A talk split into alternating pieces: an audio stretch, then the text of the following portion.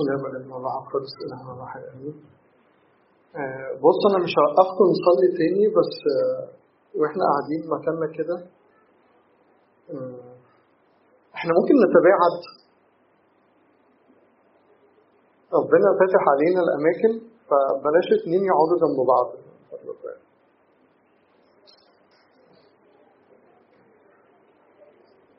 ما تحبوش بعض أنتوا الاربعه كده كوسي كوسي مش هيجي حاجة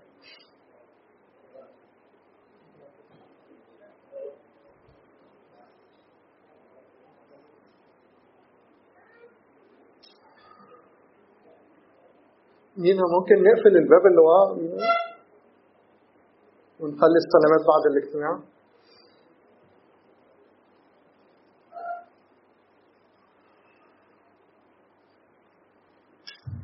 والابن والروح القدس إلهنا واحد. أمين. نرفع قلوبنا بالصلاة كده. ورب نسألك يا رب إنه إنه تبعت لينا اليوم يا رب كلام يا سيد. لكن يا رب ما يكونش مجرد كلام يا رب. لكن يا رب يكون فعل يا رب تغيير. رب للرجوع يا رب لطرقنا السليمة يا رب. اجعلوا قلبكم على طرقكم. يا رب أعطينا يا رب كلام من عندك رب. كما يريد يا رب الروح أن يعطي لكل واحد فينا. لاسمك يا رب القدوس كل المجد يا رب آمين.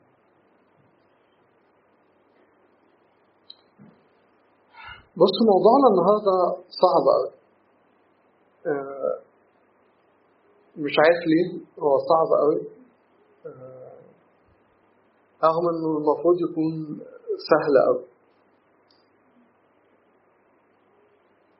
آه، إخواتكم حاطين لي عنوان كده نقطة رجوع. أقوم الآن وأرجع إلى أبي. وعشان أقوم الآن وأرجع إلى أبي محتاج أدرك حاجتين. محتاج أدرك إنه المكان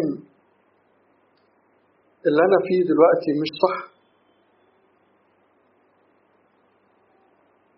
ودي حاجة صعبة. ومحتاج أعرف اللي عند أبي عشان أرجع له. ودي حاجة كمان صعبة. ما اللي فات كنا بنتكلم عن الرجاء وإنه الرجاء هو موضوع الإيمان. يعني لازم يكون في رجاء عشان أؤمن بيه. مفيش حاجة اسمها إيمان وخلاص. لكن الإيمان هو الثقة بما يرجى. يبقى في رجاء موضوع أمامي وأنا هبص على الرجاء ده ألاقيه حلو فأثق إنه هيحصل فيبقى ده اسمه إيمان. الإيمان هو الثقة بما يرجى ساعات الإيمان بيبقى عندنا كلمة مجردة يعني ما فيهاش كلمة قائمة بحد ذاتها كده. يعني أنا عندي إيمان وعندي إيمان في إيه؟ ده شيء مهم. يبقى أقوم الآن وأرجع إلى أبي اتفقنا إنه يستلزم حاجتين. أعرف إنه المكان اللي أنا فيه مش مكاني هو مكان غلط. وتاني حاجة أعرف إنه المكان الولد قال لنفسه كده كم أجي عند أبي يفضل عنه الخبز وأنا هنا. أهلك جوعا فعرف إنه المكان اللي عند أبوه ده مكان كويس. فراح رجع له تاني. كنا بنعلم آه آخر ترنيمة بيقول كده الأرض بيغطيها ضلمة وانت مجد بيغطيكي. وانت دي الكنيسة وأعضاء الكنيسة أفاضل كل واحد فينا. فلو حد شايف إنه الأرض بيغطيها ضلمة وأنا كمان حاسس بالضلمة مش في حالة مجد ومش في حالة إشراق ومش في حالة فرح فمعنى كده إنه أنا في مكان غلط ومحتاج أرجع منه.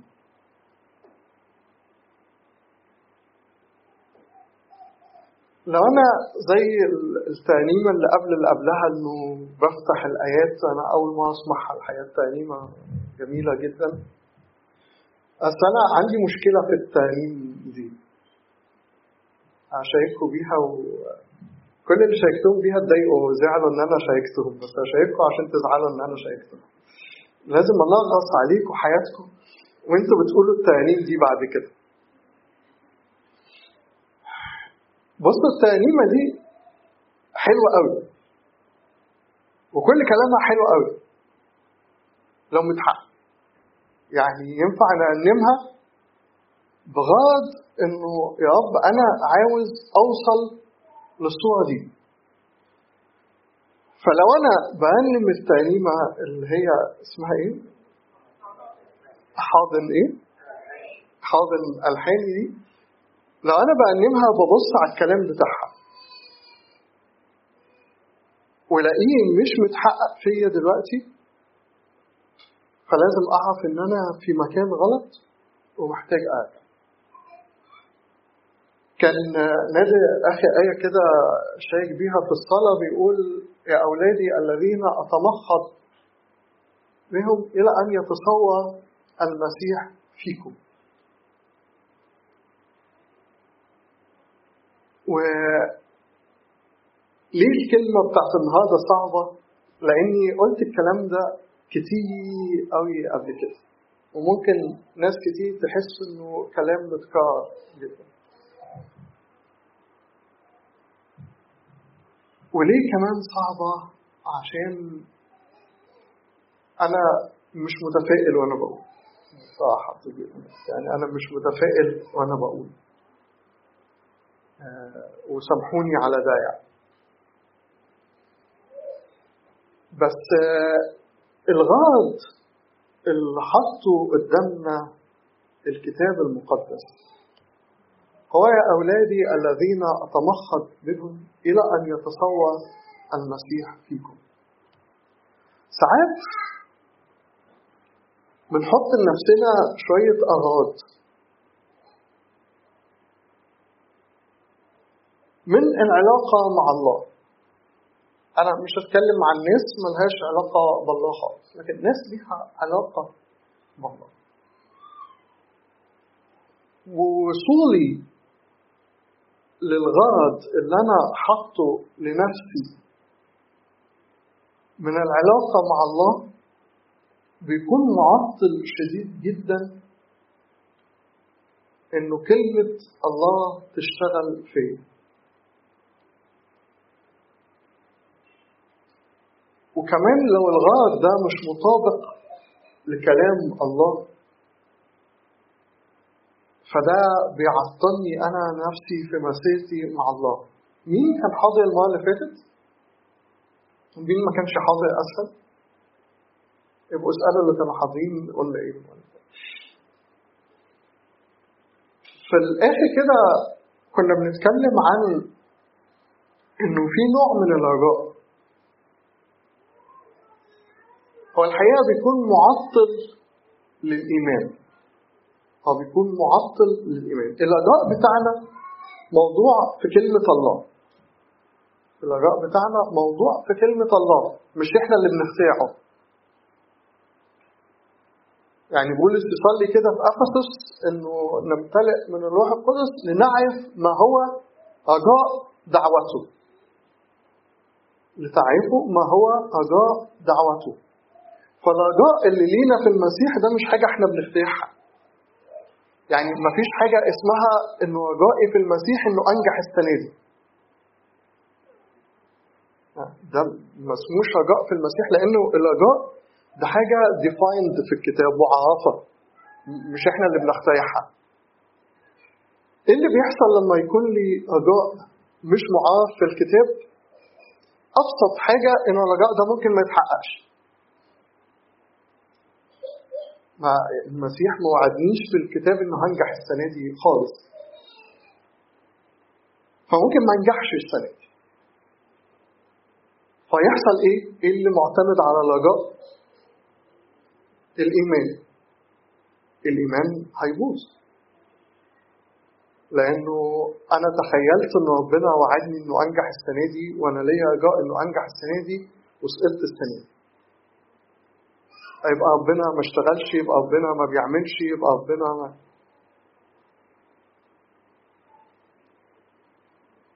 ساعات بيبقى لي رجاء إنه حد يخف وبالتالي كلنا جربنا ده وكلنا صلينا بقوة لأجل إخواتنا اللي انتقلوا الفترة اللي فاتت إن هم يخفوا. بس هم ما خفوش. وانتقل. وكتير مننا جات له صدمة في الإيمان فين ربنا؟ ربنا ليه ما بيشتغلش؟ مين اللي قال إن ربنا ما بيشتغلش؟ في رجاء موضوع لنا في الله والرجاء ده بيتحقق وكلنا رايحين ماشيين في سكة تحقيقه فالرجاء الخاطئ بيؤذي الإيمان وحاجة كمان إنه لو أنا ليا رجاء أنا اخترعته يعني. وهو رجاء بسيط عن الرجاء اللي موضوع ليا في كلمة الله. أنا ساعتها ببقى في حالة رضا يعني في حالة ساتسفاكشن كده حالة رضا عن الوضع اللي أنا فيه. بتبقى كلمة الله مش لاقية مدخل تدخل لي منه. يعني أنا عايش عيشة مستريحة مش بشتم على الأقل مش علنا أو على الأقل مش قدام إخواتي اللي يعرفوني. ممكن أشتم قدام الناس اللي ما يعرفونيش أو أشتم في سي مش بشتم قدام الناس عادي. عايش معقول متعزي شوية فرحان شوية. فليه بتكلمونا عن يعني إحنا في ناس هنا بقالها 30 سنة في الأسرة مثلا يتكلمون عن أقوم الآن وأرجع إلى أبي عيب حتى عيبة في حقنا يعني. ف إحنا ساتسفايد بالحالة اللي إحنا فيها بس. في مشكلة في مشكلة كبيرة. وهي نعمة الحقيقة. هي مشكلة بس هي نعمة يعني. إنه إنه ربنا مش بيتنازل عن كلامه يعني مش هنوصل معاه لاتفاق وسط إنه خلي رجائنا في الحتة دي وإحنا راضيين وخلاص إحنا مش بنبص للأمور العالية يعني بقى شركاء الطبيعة الإلهية وال يكون هو بكا بين إخوة كثيرين و يكونون معي ليوم مجدي. إحنا مش عاوزين فنوصل مع الله لاتفاق وسط أو تحت الوسط بشوية إنه أنا أنا راضي إنه رجائي يكون في كده. الحقيقة الله مش هيتنازل مش هيتنازل عن دعوته لينا. لكل واحد فينا. والله أودع في كل واحد فينا جزء منه. عارفين اسمه إيه؟ إيه الجزء من الله اللي ساكن فينا؟ روح القدس الروح القدس والروح القدس اللي فينا عمره ما هيستريح عمره ما هيستريح إلا إذا كنا ماشيين في سكة التغيير نتغير إلى تلك الصورة عينها من مجد إلى مجد كما من الرب الروح. أنا ما أعرفش. كل واحد فينا واقف فين دلوقتي؟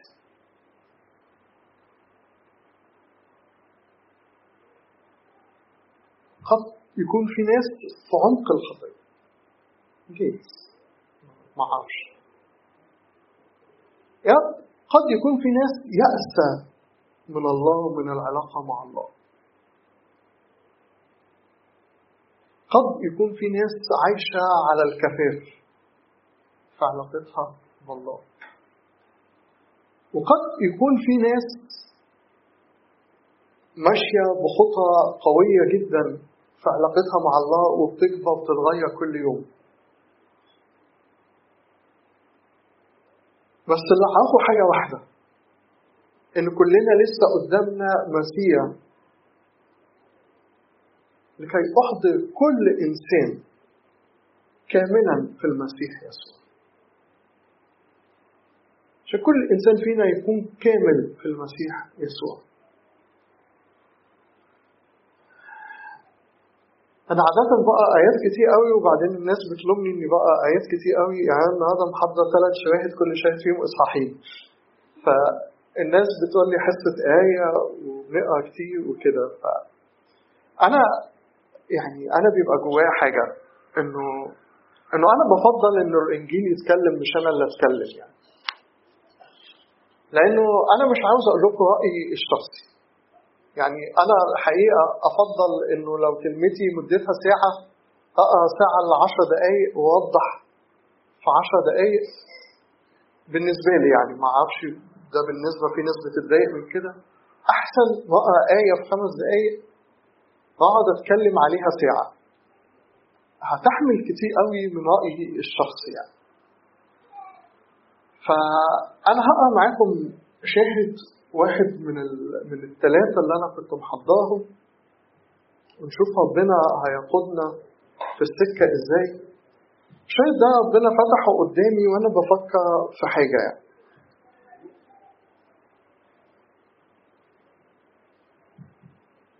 كان في حرب زمان. قد تكون مش موجودة قوي دلوقتي. بس كانت موجودة زمان أيام بدايتنا إحنا مع الله يعني. الحرب ما بين الناموس والنعمة. دلوقتي في حروب تانية على الفيسبوك أنا عارف بين قضايا إيمانية يعني. بس مش قوي بين الناموس والنعمة. أنا مش على الفيسبوك ما أعرفش بس أعتقد إنه إنه فكرة الحرب ما بين الناموس والنعمة مش جامدة قوي دلوقتي يعني. ما بتطرحش القضية دي كتير. وقت ما الحرب دي كانت جامدة قوي كانت الناس بتحاول تركز على النعمة جامد جدا. عشان تحارب قضية الناموس. وإنه الخلاص مش بالأعمال. بأعمالي ليس لي خلاص. وإنه الخلاص بالكامل مستند على النعمة. وما عادش أظن بطريقة ما يعني إنه الحرب دي ونتيجتها قادتنا في تطرف في اتجاه معاكس شوية. إنه كل حد يقول لي اعمل حاجة أو مطلوب منك حاجة أو بقول ده شخص ناموسي آه الترنيمة اللي قبل الأخيرة ومنزل عودك من على هي بتاعت حاضن الحديث ده ماهر صح؟ هو الشخص ده عشان يكسب الكلام ده. يعني راح دي وقفل على نفسه سنة وبعدين راح دي تاني وقفل على نفسه ثلاث سنين. مع وقضى اختبارات ونسك وعبادة وكلام كتير مع آباء روحيين عشان يطلع يكتب الكلمتين دول. أنا عندي مشكلة في بعض الترانيم إنه بحس ويا رب يطلع إحساسي غلط يعني. إن إحنا لما بنرنمهم فبننسب لنفسنا نفس اختبار الشخص اللي كتبهم. كأن إحنا مع بعض في نفس الحتة يعني. هو الشخص اللي كتبهم ده عدى حاجات كتير قوي عشان يكتبهم. فإحنا لما بنرنمهم بنصلي بيهم. ان رب أبقى هنا. أبقى هنا. بيقول طول ما إيماني عالي عاليين ونضاف. طول ما الإيمان نغماته في قلبك عاليين ونضاف. وده اللي إحنا كنا بنتكلم عليه المرة اللي فاتت. إنه آه أوكي الكلام ده حلو قوي. يوم ما يكون رجائي في المسيح واضح إن كنتم قد قمتم مع المسيح فاطلبوا ما فوق حيث المسيح جالس عن يمين الآب.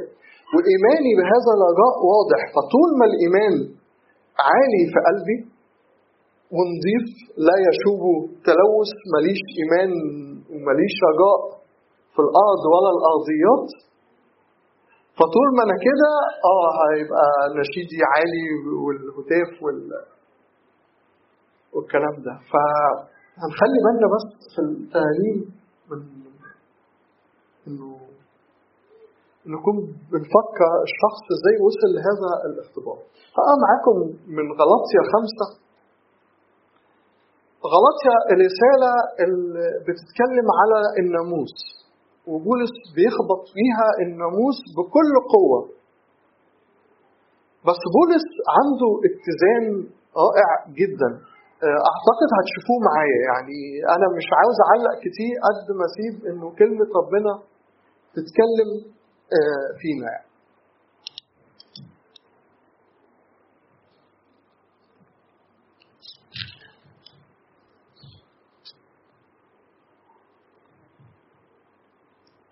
غلطيا خمسة من أول عدد واحد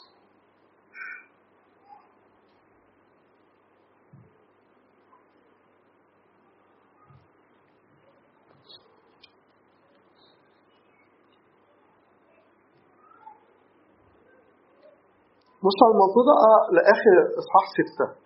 بس أنا هجزأهم عشان ما تزهقوش مني. في القراية يعني نقرأ جزء ونعلق وجزء ونعلق وكده عشان ما ما تتعبوش مني. ونفسي نصلي يعني. أنا أنا فعلا وأنا جاي أنا جوايا قلق شديد يعني. إنه مين فينا ما قاش غلطيا ومين فينا ما قاش فيليبي ومين فينا ما قاش روميا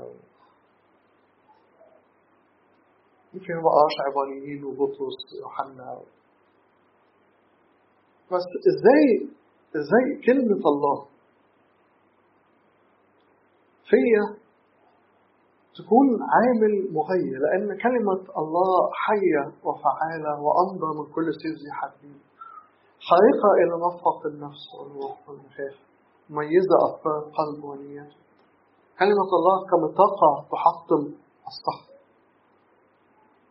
هنشوف دلوقتي الصراع القديس بولس بيتكلم عليه وأعتقد إنه كلامه هيبقى أحلى من كلامي بكتير.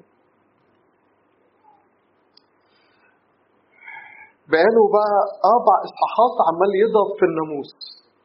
ودخل الناموس إن هم ولاد الجاية اللي هو إسماعيل اللي من هاجر اللي هو مش وايس للمواعيد وإن إحنا مش من هاجر إحنا من ساره ساره هي أمنا كلنا. وبيأكد عليهم بقى في إصحاح خمسة فاثبتوا اذا في الحرية التي قد حررنا المسيح بها. ولا ترتبكوا بني عبودية. ها أنا بولس. لما يقول ها أنا بولس بيستخدم حقه الرسولي يعني. يعني اسمعوا من اللي أنتوا تسمعوه بس ها أنا بولس بقول لكم كده بقى. ها أنا بولس أقول لكم أنه إن اختتمتم لا ينفعكم المسيح شيئا. مش لا ينفعكم الختان شيئا. بولس في كلامه يعني. طب ما نختتن ونفعت نفعت ما نفعتش خلاص. لأن اختتنتم لا ينفعكم المسيح شيئا. فاهمين الفرق؟ مش موضوع. إن اختتنتم لا ينفعكم المسيح شيئا. لكن أشهد أيضا أشهد أيضا لكل إنسان مختتن أنه ملتزم أن يعمل بكل الناموس. قد تبطلتم عن المسيح أنتم الذين تتباهون بالناموس. سقطتم من النعمة. قد تبطلتم عن المسيح. أيها الذين تتباهون بالناموس سقطتم من النعمة. فإننا بلوح من الإيمان نتوقع أجاء به.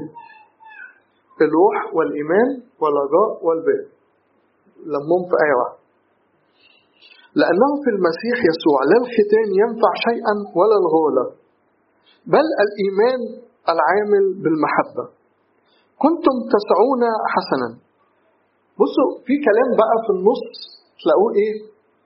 إنه لا الناموس ينفع شيئا ولا الختان بل الإيمان العامل بالمحبة. الإيمان العامل بالمحبة دي قصة كبيرة قوي. بس ممكن تختفي في وسط الآيات دي. ما ناخدش بالنا منها. فيبقى أيام الحرب اللي إحنا اللي أنا كنت بكلمكم عليها دي من 30 سنة ولا حاجة و20 سنة بتاعت الناموس والنعمة كان أيوه بص بقى بولس اهو ما تجيش تقول لي صوم. ما تجيش تقول لي آية الإنجيل في مواعيد معينة. ها؟ الناموس مش بينفع حاجة.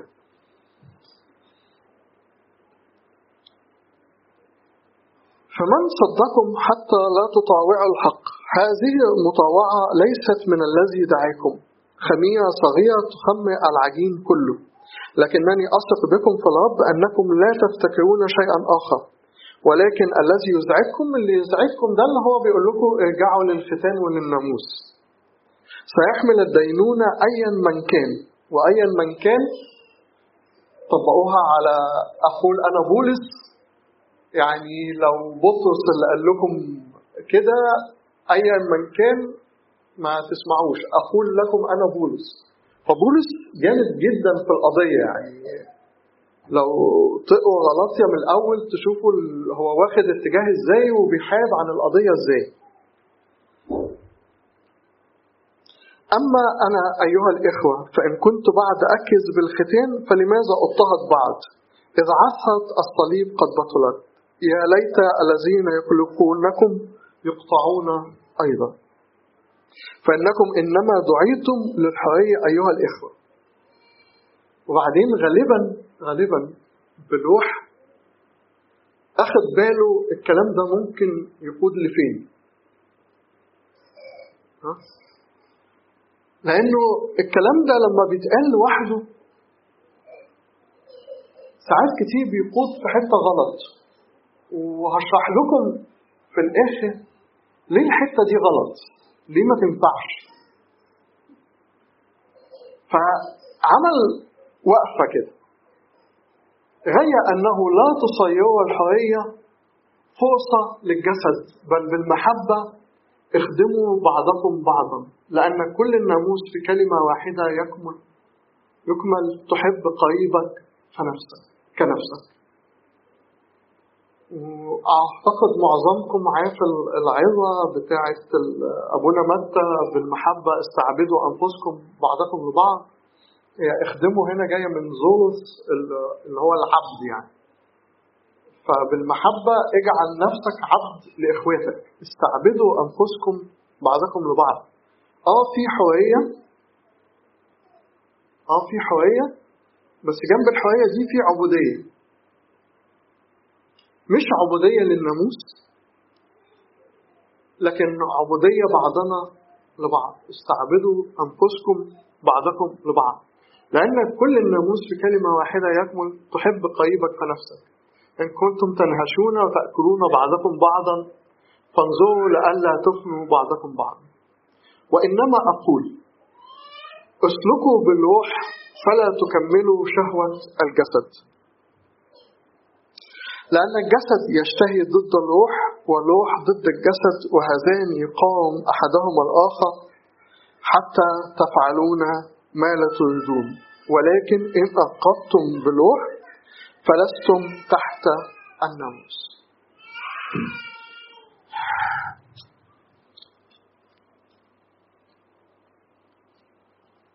الآية الأخيرة دي كنز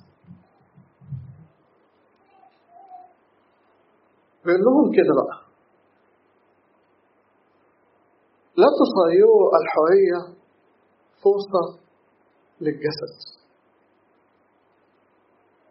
ساعات كتير التعليم عن النعمة فقط بصورة مكثفة بيقودنا لنقطة غلط شوية أو غلط كتير يعني. الانحراف عن طريق الإنجيل لأنه كلام الإنجيل واضح جدا. سيد المسيح كان واضح جدا في كلامه. أنا بحب جدا إن إحنا نرجع للأناجيل. والكلام السيد المسيح نفسه اجتهدوا أن تدخلوا من الباب الضيق. اجتهدوا أن تدخلوا من الباب الضيق. ما أوسع الطريق المؤدي إلى الهلاك ما أوسع الطريق المؤدي إلى الهلاك طب ليه يا رب؟ ليه؟ ليه مش كل حاجة بالنعمة وخلاص؟ لأجل الآية اللي بعدها لأن الجسد يشتهي ضد الروح والروح ضد الجسد وهذان يقاوم أحدهما الآخر حتى تفعلون ما لا تريدون. يقول بولس عن نفسه كده أقمع جسدي وأستعبده. لئلا أكون بعدما كرست لكسرين أصير أنا نفسي مرفوضا. وجود الجسد فينا وجود الجسد فينا يستلزم يستلزم الخضوع لناموس. ولكن مش ناموس موسى. هنا النقطة الفائقة اللي لازم ناخد بالنا منها واللي بولس هنا موضحها بقوة. ولكن إذ انقضتم بالروح فلستم تحت الناموس. إنما أنا مش تحت الناموس وأنا مش منقض بالروح دي سبهللة دي فرصة للجسد. اللي يزد بروكم عن الكتبة والفلسطينيين هيبقى ساعتها اللي عايش بالناموس هيتحاكم بحسب الناموس. طب واللي قال أنا ماليش في الناموس؟ هيتسأل سؤال تاني. سلكت بلوح انقضت بلوح لأن الذين ينقضون بروح الله فأولئك هم أبناء الله. لأن الختانة الحقيقية ختانة القلب بالروح. كان في ختان بينادوا بيه في اليهودية ختان بالسكين أو بالحجر في اللحم. لكن في ختان بتاعنا إحنا ختانة القلب بالروح. إن كنتم رمية ثمانية بقى إحنا كلنا حافظينها واللي أنا يعني كان نفسي أفتحها بس من كتر ما فتحتها مش عاوز أفتحها تاني. بس أقول لكم الآية دي بس فيها. لأنكم إن عشتم بحسب الجسد فستموتون. ولكن إن كنتم بالروح تميتون أعمال الجسد فستحيون. مش معنى إن أنا مش تحت الناموس يبقى أنا أعيش كما يتفق. لا. معنى إن أنا مش تحت الناموس إن أنا بقيت تحت الروح. أنقاض بالروح القدس. سيد المسيح لما جه يحط ناموس الروح قال لك كده سمعتم أنه قيل للقدماء لا تزني. ده الناموس. أما أنا فأقول لكم أن كل من نظر إلى أمرأة ليشتهيها فقد زنى بها في قلبه. ده ناموس الروح. أعلى وأصعب. وأصعب. لأنه الروح القدس الروح القدس اللي هو روح المسيح عمله إنه يغيرني لصورة المسيح اللي هو صورة الله.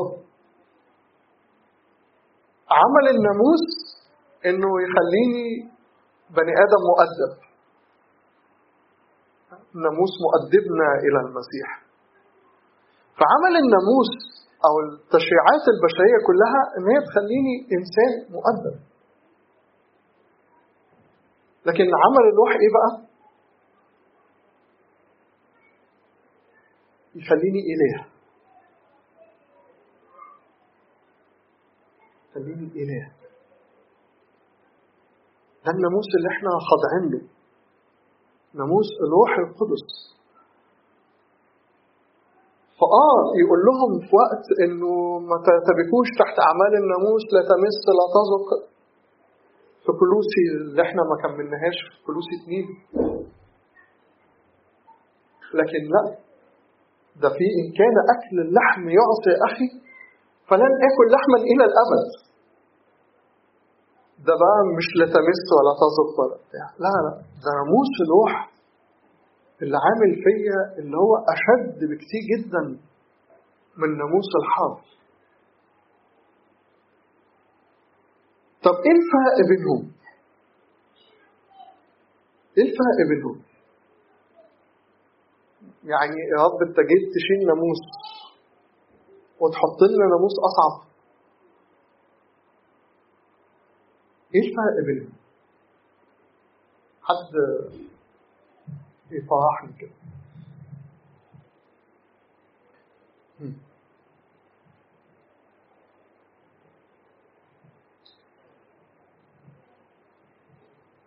مين اللي كان بيعمل الناموس الأولاني؟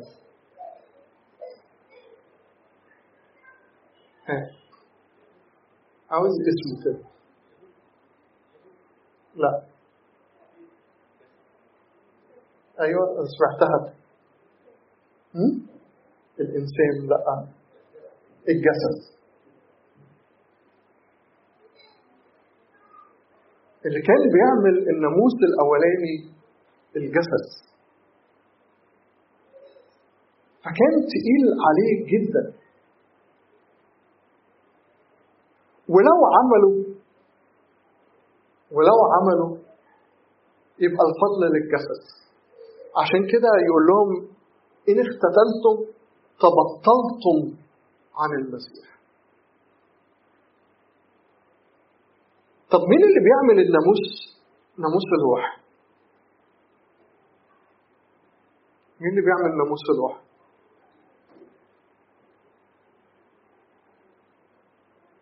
لا أبوس إيديكم. همشي وهلحد. مين اللي بيعمل ناموس الروح الخليقة الجديدة. الخليقة الجديدة. طيب. نوصل للمعنى شوية بقى. طب أمال ليه أنت عاوز إن إحنا نصوم؟ وليه عاوز يبقى لينا صلوات بمواعيد محددة قوانين روحية قراءات في الإنجيل بمواعيد محددة نعملها يوميا ليه بنعمل ده؟ ليه يعمل مطنيات؟ ليه؟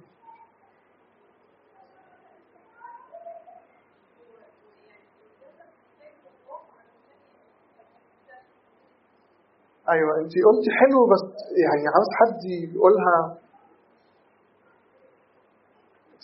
ليه بعمل ده؟ ليه بعمل ده؟ أتوسل إليكم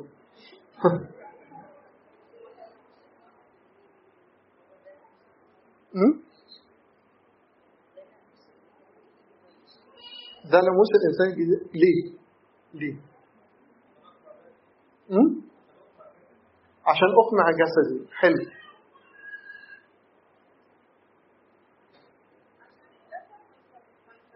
أيوه برافو عليك. عشان الصوت الأعلى فيا يبقى للخليقة الجديدة مش للجسد. أنا ما زلت في مرحلة الاختيار أعيش بالجسد. فيبقى ناموس الله بالنسبة لي ثقيل جدا. عشان كده بولس يقول أقنع جسدي وأستعمله. أنا أنا عاوز هذان يقاوم أحدهما الآخر الجسد يجتهد ضد الروح والروح ضد الجسد وهذان يقاوم أحدهما الآخر حتى تفعلون ما لا تريدون. أنا محتاج أسكت الجسد. هي لفة شوية صح؟ في جسد كان بيعمل ناموس أو موضوع عليه ناموس ويتخيل إنه بهذا الناموس يرضي الله. وده طلع كلام باطل. ما ينفعش. ما ينفعش. لسببين. اولا لأنه ولا واحد هيعرف يعمله. وثانيا إنه حتى لو عمله مش هيوصله لقصد الله من الإنسان. هيوصله لانسان مؤدب بس الله قصد لينا إن إحنا نكون شركاء الطبيعة الإلهية. ده الشاهد الثاني اللي أنا كنت عاوز اقراه معاكم. رساله بطرس الثاني. لكن اللي أنا بعمله دلوقتي الهدف منه إيه؟ الهدف منه إن الجسد يسكت لازم اسكت الجسد. لأنه الجسد الحقيقة لو علي بيسيطر على كل حاجة حتى الحياة الروحية. لما بتكلم على الجسد مش بتكلم على الخطية. وإن كان ممكن تكون موجود. مش بنك إنه ناس مننا كتير ممكن تكون واقعة في خطايا أو تحت سلطان خطايا. ده ما ينفعش. بس كمان الجسد صوته عالي هيحول هيحول كل الروحيات لجسديات حتى العلاقة مع الله نفسها حول جسديات الابن الضال اللي هو الموضوع بتاعنا النهارده كان إيه هدفه؟ ليه ليه خد ثروته ومشي؟ سهلة دي بتاعت ليه ابن الضال أخذ ثروته ومشي؟ كان في هدف في دماغه. كلمة واحدة. كان هدفه إيه؟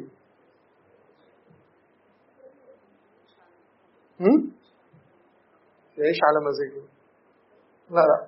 نحاول نتعامل معاه كإنسان راقي وكان ليه هدف حلو. حرية ده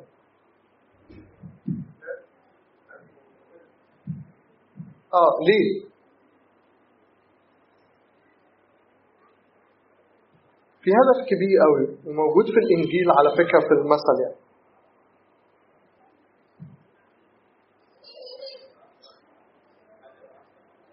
لا. عشان وقتنا عاوز يفرح. عاوز يفرح. والإنجيل لما بيحب يوضح معنى معين بيركز عليه قوي. الابن الكبير قال له إيه؟ لم تعطني جديا قط العمل إيه؟ لافرح طب لما الابن رجع وعملوا الحفلة قال حينئذ ابتدأوا يعملوا إيه؟ يفرحون يفرحون كان هدفه إنه يعيش سعيد يعيش فرحان. واعتقد إنه ده هدفنا كلنا. هدفنا كلنا إن إحنا نعيش فرحانين. عاوز أقول لكم على خبر حلو قوي إنه دعوتنا في المسيح إننا نكون فرحانين دائما. ما ينفعش إنسان وحي ما يبقاش فرحان. افرحوا في الرب كل حين. فأقول أيضا افرح فرح لا ينطق به ومجيد. الفاحي الذي لا ينزعه أحد منكم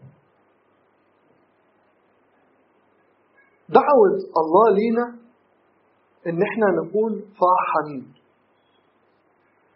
وكان هدف الأب لولاده في المثل إن هم يكونوا فرحانين الله مجهز لنا فرح حقيقي. مش في الحياة الأبدية بس. عاوزكم تبقوا تراجعوا آخر التعليمتين اللي قبل الأخرين اللي قالهم نادر. اللي قبل الأخير. هدف الله لكل واحد فينا انه يكون فرحان. طب إيه المشكلة؟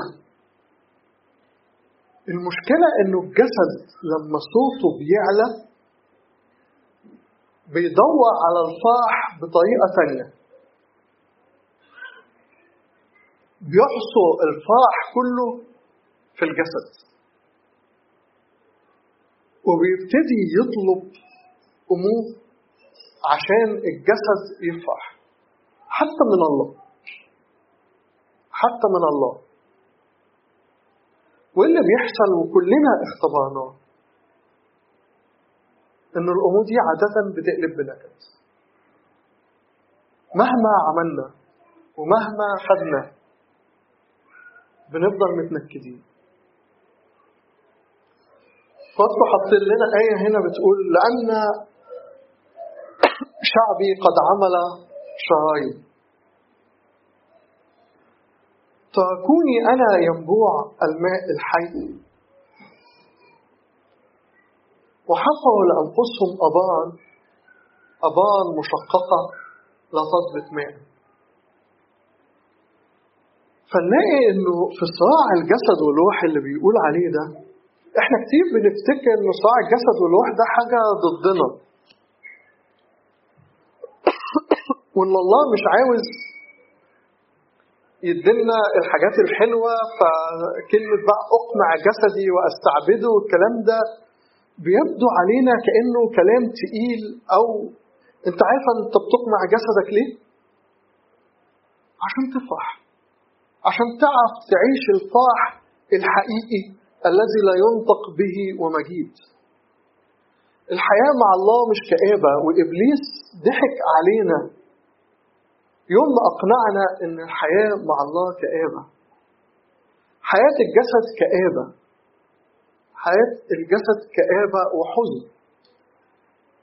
مثل البحر لا معلش ممكن يقعدوا بقى؟ اطلعوا بقى.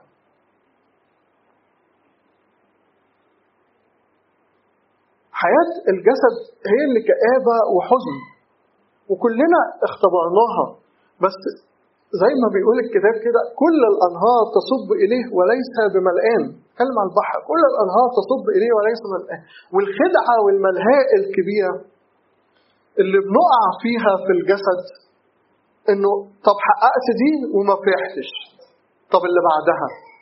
طب اللي بعدها؟ طب اللي بعدها؟ وكل ما أطلع بحزن وكل ما أطلع باكتئاب وكل ما أطلع بخيبة أمل وما اتعلمش ما اتعلمش وأبويا قاعد في البيت حزين إن أنا مشيت بدور على الفرحه بره وهنا بيت الافراح بيت الافراح كنيسة جسد المسيح. المكان اللي ينبغي فيه الفرح الحقيقي. بس نتيجة تساهلي في بعض الأمور اللي تبدو بسيطة بيحصل إن صوت الجسد يعلى. لما صوت الجسد يعلى إحنا مش متخيلين المأساة اللي إحنا بندخل فيها. قد نكون في المأساة بس مش متخيلينها. متخيلين إنه لو حصل هبقى ولو حصل هبقى ولو حصل هبقى. والحقيقة إنه مش بفرح لأنه الله أعد لينا فرح الخليقة الجديدة دي خليقة فرحانة. خليقة فرحانة. يقول على التلاميذ فمضوا فايحين إذ حسبوا مستأهلين أن يتألموا لأجل اسمه. حد حد ذاق الفرح ده؟ أعتقد ناس مننا ذاقته وذاقت إنه طعمه لا يوازي فرحة تانية في الدنيا.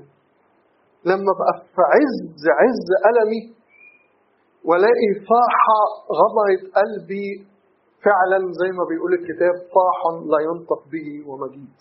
ما تساويش ما فيش حاجة في الحياة تساوي هذه الفرحة بس الجسد الحرامي الغشاش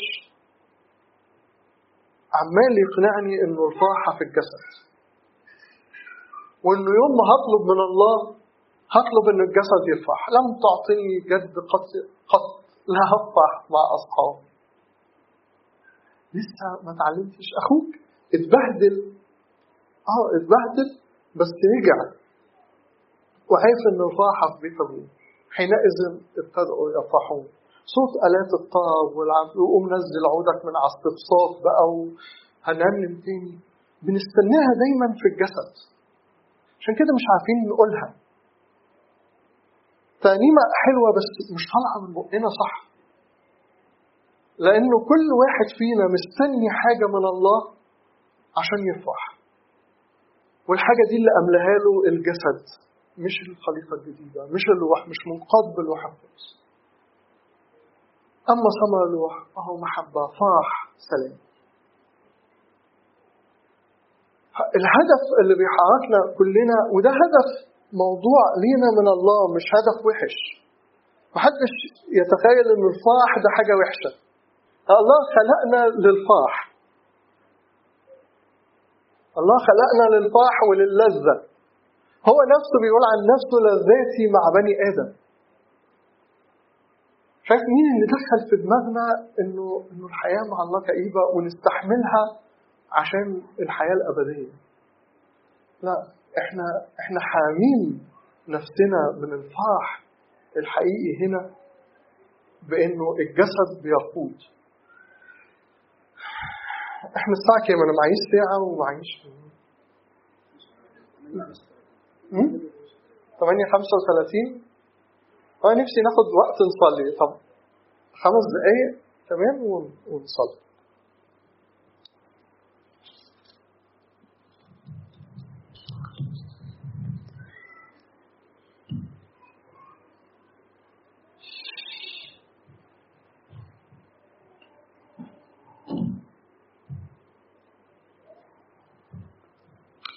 بصوا آه أعمال الجسد وثمر الروح كلنا حافظينهم تمام؟ هننقل الآية اللي بعدهم 24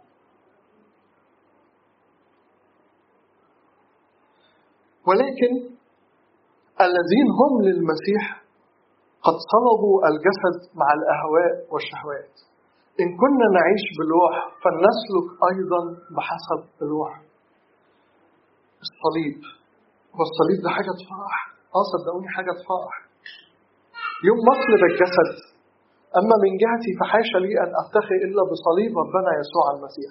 الذي به قد صلب العالم لي وأنا للعالم. يوم ما أصلب الجسد هبتدي أفرح. يوم ما أصلب الجسد هبتدي أفرح. طول ما الجسد موجود هيفضل سبب حزن ونكد ليا. إحنا كتير كتير إبليس بيغيب عننا الحقيقة دي. في عدد في إصحاح ستة.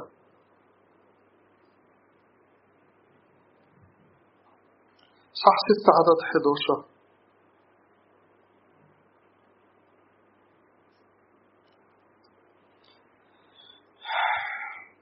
انظروا ما أكبر الحروف التي كتبت إليكم كتبتها إليكم بيدي. جميع الذين يريدون أن يعملوا منظرا حسنا في الجسد. في الجسد مشكلة الناموس مش إنه وحش. الناموس صالح جدا. بولس شهد عنه كده الناموس صالح جدا. بس مشكلته إنه كان في الجسد. الناموس مش وحش. الله ما بيعملش حاجة وحشة. ما نزلش شريعة وحشة. لكن مشكلة الناموس إنه كان في الجسد. دي مشكلته. أن يعملوا منظر حسنا في الجسد هؤلاء يلزمونكم أن تختتنوا لئلا يضطهدوا لأجل صليب المسيح فقط.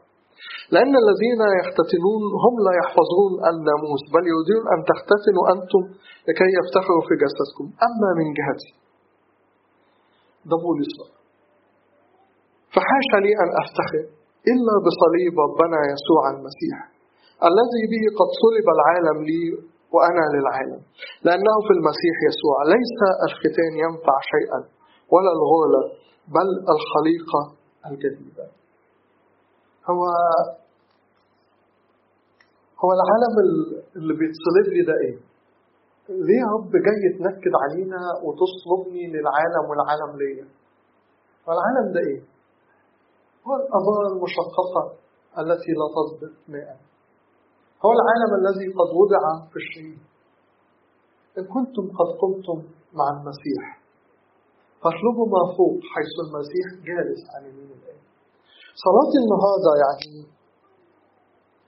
مفيش ولا كلمة قلتها النهاردة جديدة عليكم. صلاة النهاردة إنه إن رب نتعامل مع كلامك بجد. زي ما هم مسمينها كده نقطة رجوع يعني يوتيرن. كده إنه كل حاجة إبليس والجسد خدعوني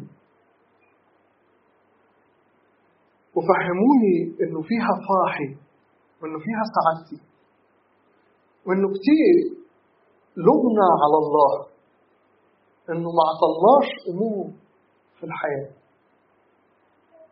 وكتير عتبنا عليه وكتير اتهز إيماننا فيه.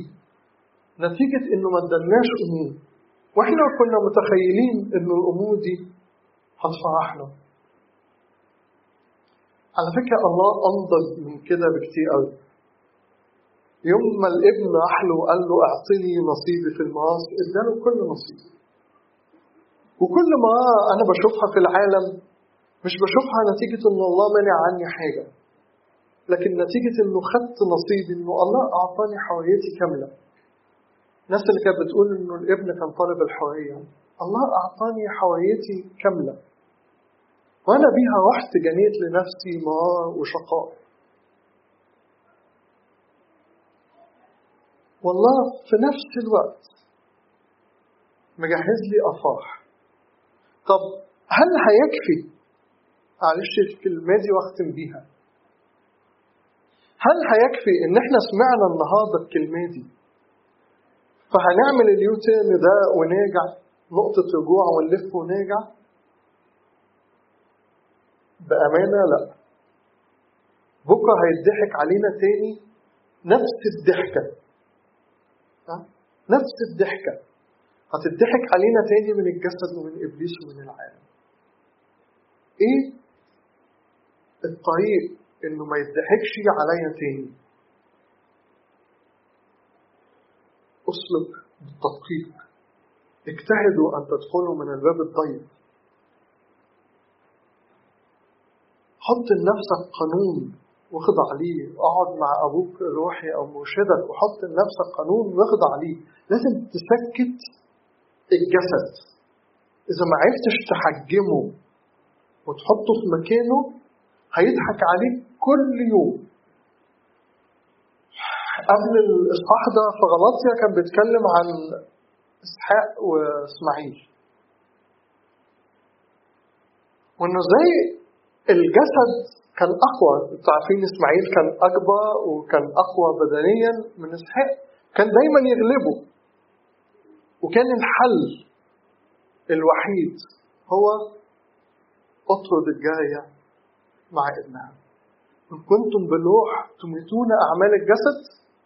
فاستحيون فصدقوني صدقوني. هناخد كلنا الكلام ده النهارده وهنصلي بيه وهننفعل في الصلاة وهنتأثر. لكن إن ما عشناش بناموس الروح بكرة هنتخدع نفس الخدعة تاني. أمين. لإلهنا كل المجد والكرم